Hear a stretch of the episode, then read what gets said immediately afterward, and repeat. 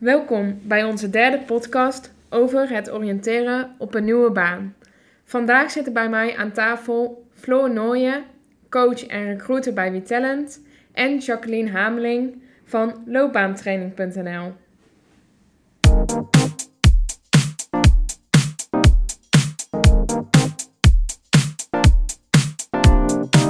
Jacqueline, super fijn dat jij er vandaag bent. Uh, wil jij jezelf even voorstellen? Uiteraard. Uh, Jacqueline Hameling van loopbaantraining.nl. Uh, na jarenlang als HR-adviseur te hebben gewerkt uh, voor diverse accountantskantoren, zowel intern als extern voor hun klanten. waarbij ik natuurlijk heel veel kennis heb opgedaan over wat werkgeluk is en niet. En wilde ik altijd graag mijn opgedane kennis bundelen en in een methode om mensen te helpen op weg naar meer werkgeluk. Leuk, interessant. Um, dus ik begrijp dat jij een methode gebruikt ook daarbij. Um, kun je daar iets meer over vertellen? Tuurlijk, ik noem hem de trechter. Hè, want we beginnen bij jouw vertrekpunt en we eindigen bij die ene baan die zo goed bij jou past. En daar moeten we wel wat dingen voor doen. Um, dat houdt in, mijn methode, dat we samen op zoek gaan naar jouw studie of jouw baan met de focus op die ene baan. Leuk. Dus heel eigenlijk specifiek van wat is dat? Het is één baan die bij jou past, daar ga je voor. Precies.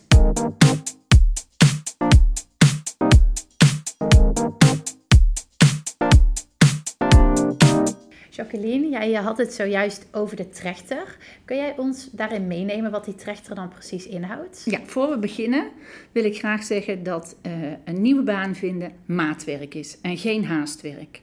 Dus neem er je tijd voor.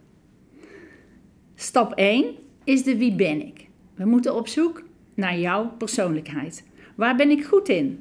En vraag dat ook eens aan collega's of aan vrienden of aan familie. Hoe pak ik dingen aan?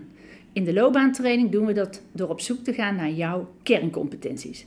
Dat is wat uiteindelijk iedere werkgever uh, aan je vraagt. Dus je zult ook je eigen competenties daar moeten overleggen en afstemmen of dat het dezelfde competenties zijn als die de werkgever vraagt. En uh, in mijn training maken we op jouw competenties jouw beroepskeuze. Dus we gaan jouw beroepsinteresses meten op jouw competenties. En dat is al één stuk van het maatwerk. Mooi, ook die competenties, interessant. En dan stap 2. Stap 2, wat wil ik? Um, in de wat wil ik fase ga je, ga je oriënteren op verschillende doel, uh, beroepsgroepen die er allemaal zijn. Uh, vooral als je geen idee hebt wat je nou echt werkelijk wilt. Je zult merken dat de keuze hierin nooit één ding is, maar dat, je, dat er wel een samenhang bestaat tussen de interesses en de keuzes die je in eerste aanleg maakt. En dat is niet raar, want je bent immers een persoon met een heleboel eigenschappen. Daarna ga je het specifieker maken. Ook degenen die al een richting weten, kunnen het specifieker maken door te kijken naar de beroepen die uit de beroepsgroepen voortkomen. Zet je top 3 op een A4'tje en schrijf de plussen en de minnen op. Uiteindelijk maak je de afweging naar welke baan je op zoek gaat. Oké, interessant. Dus in die tweede stap ga je ook echt al dieper op die beroepen in. Ja. En stap 3, vertel. Wat kan ik? Wat kan ik heeft natuurlijk te, te maken met jouw realistische niveau. We kunnen allemaal uh, bij capaciteiten bijvoorbeeld bedenken dat dat ons intelligentieniveau is. Maar um, in de praktijk blijkt ook wel dat, we, dat mensen zich vaak onder- of overschatten. Dus het is heel belangrijk dat we kijken naar jouw realistische niveau. En wat is dat niveau dan eigenlijk? En welk niveau heeft dan ook die nieuwe baan? En kun jij dat ook aan? Waarin zit jouw ontwikkeling in die baan? Waar wil je naartoe groeien? En waar zou je over twee jaar willen staan? En wat heb je daarvoor nodig? Wat wordt er van jou verwacht? Heb je alle gevraagde eisen in de baan van jouw keuze? Dan komen we bij de laatste stap, stap 4. Vertel. Stap 4. Wat zijn mijn werkwaarden? Dat noemen we in mijn vak ook wel wat zijn mijn loopbaanankers. Wat vind ik belangrijk bij mijn nieuwe baan en mijn nieuwe baas en mijn collega's? Wat wil je daar aantreffen voor soort organisatie? Welke bedrijfsorganisatiecultuur is daar passend voor jou? Wat is het toekomstperspectief? Welke wijze van werken heeft jouw voorkeur en kan dat ook bij die organisatie? En hoe zit het met jouw uh, intrinsieke en extrinsieke motivatie? Wat vind je belangrijk in deze fase van je leven? Wat is minder belangrijk en waar haal jij de energie uit na een week heel hard werken? Wat motiveert jou om na het weekend weer volle bak er tegenaan te gaan? Probeer dit zo concreet mogelijk op te schrijven. Nou, dit waren de vier stappen, begrijp ik. Interessant. Het is natuurlijk best wel wat informatie. Dus voor de luisteraars, op het einde gaan we het nog even samenvatten. En je kunt het natuurlijk zo vaak terugluisteren als je zelf wilt.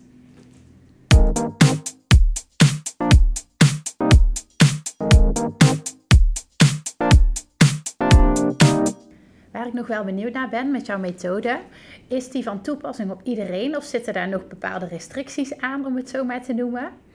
Ja, de methode is eigenlijk voor iedereen en van elke leeftijd. En zoals je bij de vorige elementen stappen hebt uh, gehoord, is het wel echt maatwerk. Um, natuurlijk hebben we wel te maken met uh, verschillende leeftijden van mensen die banen zoeken.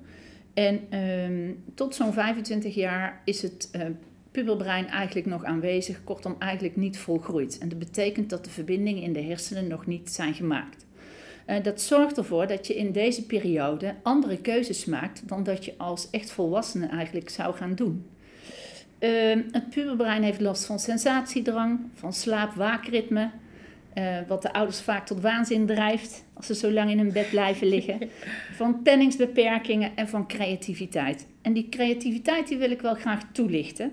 Doordat de verbindingen niet volledig zijn gemaakt, kunnen jongvolwassenen nog helemaal vol flexibiliteit en creativiteit kijken naar banen die volwassenen eigenlijk al lang niet meer, uh, naar, waar die al lang niet meer naar kijken.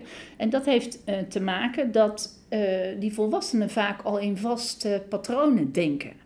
En de jeugd juist out of the box denkt om te kijken van, hey, moet het nou wel uh, die ene bekende baan zijn? Of kan er ook iets zijn wat uh, totaal afwijkt van het uh, tussen haakjes normale patroon, waar ik dan ook graag naar wil kijken? En dat is wat we natuurlijk doen in de studiekeuze of in de loopbaantraining. en bedenk dat er ook laadbloeiers zijn, oftewel het brein, het brein groeit nog. Puberverschijnselen kunnen een dermate grote rol spelen dat zich, zij zich pas veel later kunnen ontwikkelen. Dus je geeft ook aan, de puberfase gaat dan tot een jaar of 25. Dat is echt de fase waarin mensen nog in ontwikkeling zijn. Ja. Maar anderzijds is ook nog veel meer mogelijkheden zien dan misschien een volwassene. Precies. Ja, leuk. Ja. Uh, en dat is ook zo belangrijk dat je je moet laten coachen door een professional, want die kijkt open en benut alle mogelijkheden. Terwijl ouders daar eventueel uh, bij beïnvloeden. Ja, precies. Die hebben natuurlijk ook hun eigen patronen al ontwikkeld door de jaren heen. Precies, maar jij bent een uniek individu, dus je moet echt je eigen keuze maken.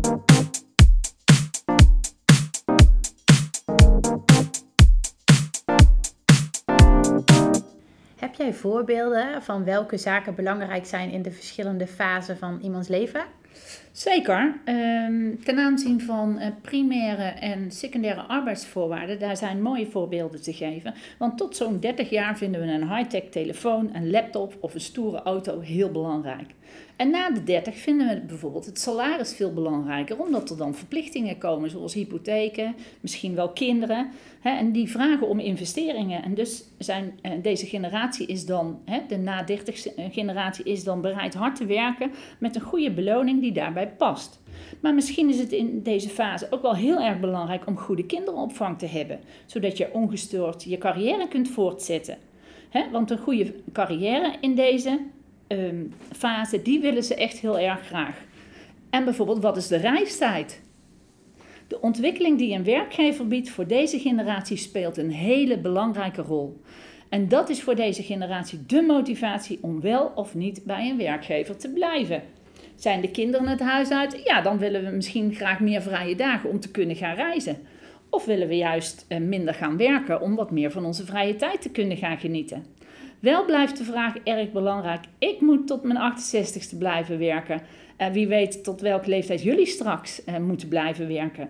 En wat ga je dan doen um, tot die tijd? Hè, hoe houden we voor medewerkers als werkgever deze mensen gemotiveerd? En geven we ze nog een uitdagende tijd? Goed om te horen dat er per leeftijdsfase ook echt iets anders belangrijk is in de oriëntatie op een nieuwe baan.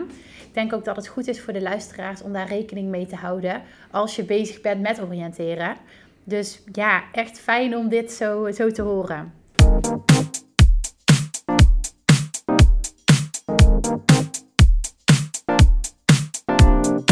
zou jij misschien die vier stappen nog eens kort willen toelichten? Want ik denk dat dat heel nuttig kan zijn voor de luisteraar. Stap 1. Wie ben ik? Op zoek naar jouw kerncompetenties. Stap 2. Wat wil ik? Op zoek naar jouw beroepsinteresses.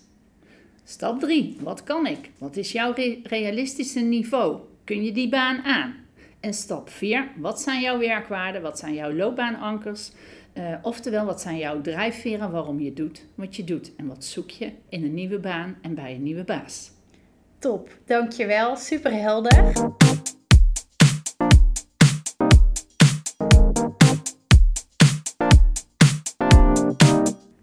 Dan ben ik ook nog wel benieuwd of jij misschien wat tips hebt voor de luisteraar, waar de luisteraar gelijk mee aan de slag kan.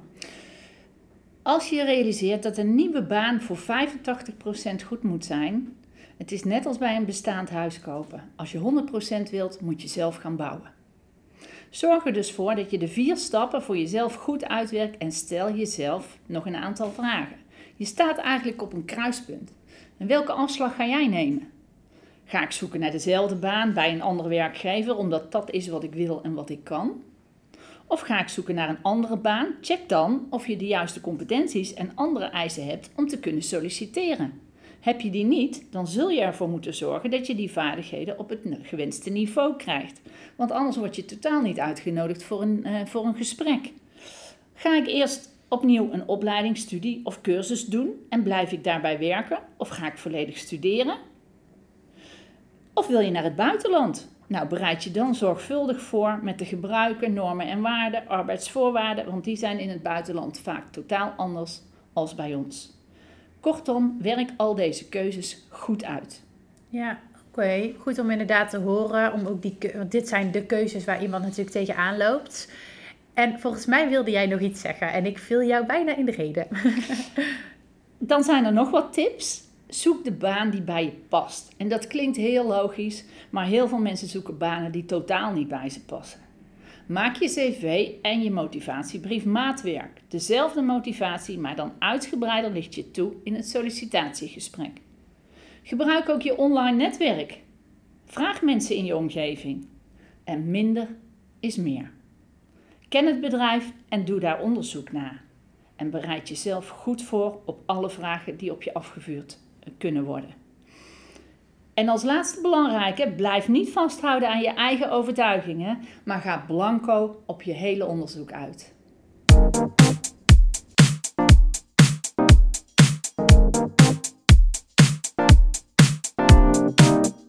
Jacqueline, bedankt voor de relevante tips vandaag. Um, ik denk zeker dat onze luisteraars hiermee aan de slag kunnen.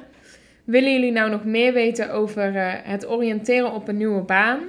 Kijk dan op loopbaan-training.nl of kijk voor meer relevante tips onder het kopje sollicitatiehulp bij WeTalent. En ik wil jullie allebei hartelijk bedanken voor de podcast van vandaag en tot de volgende.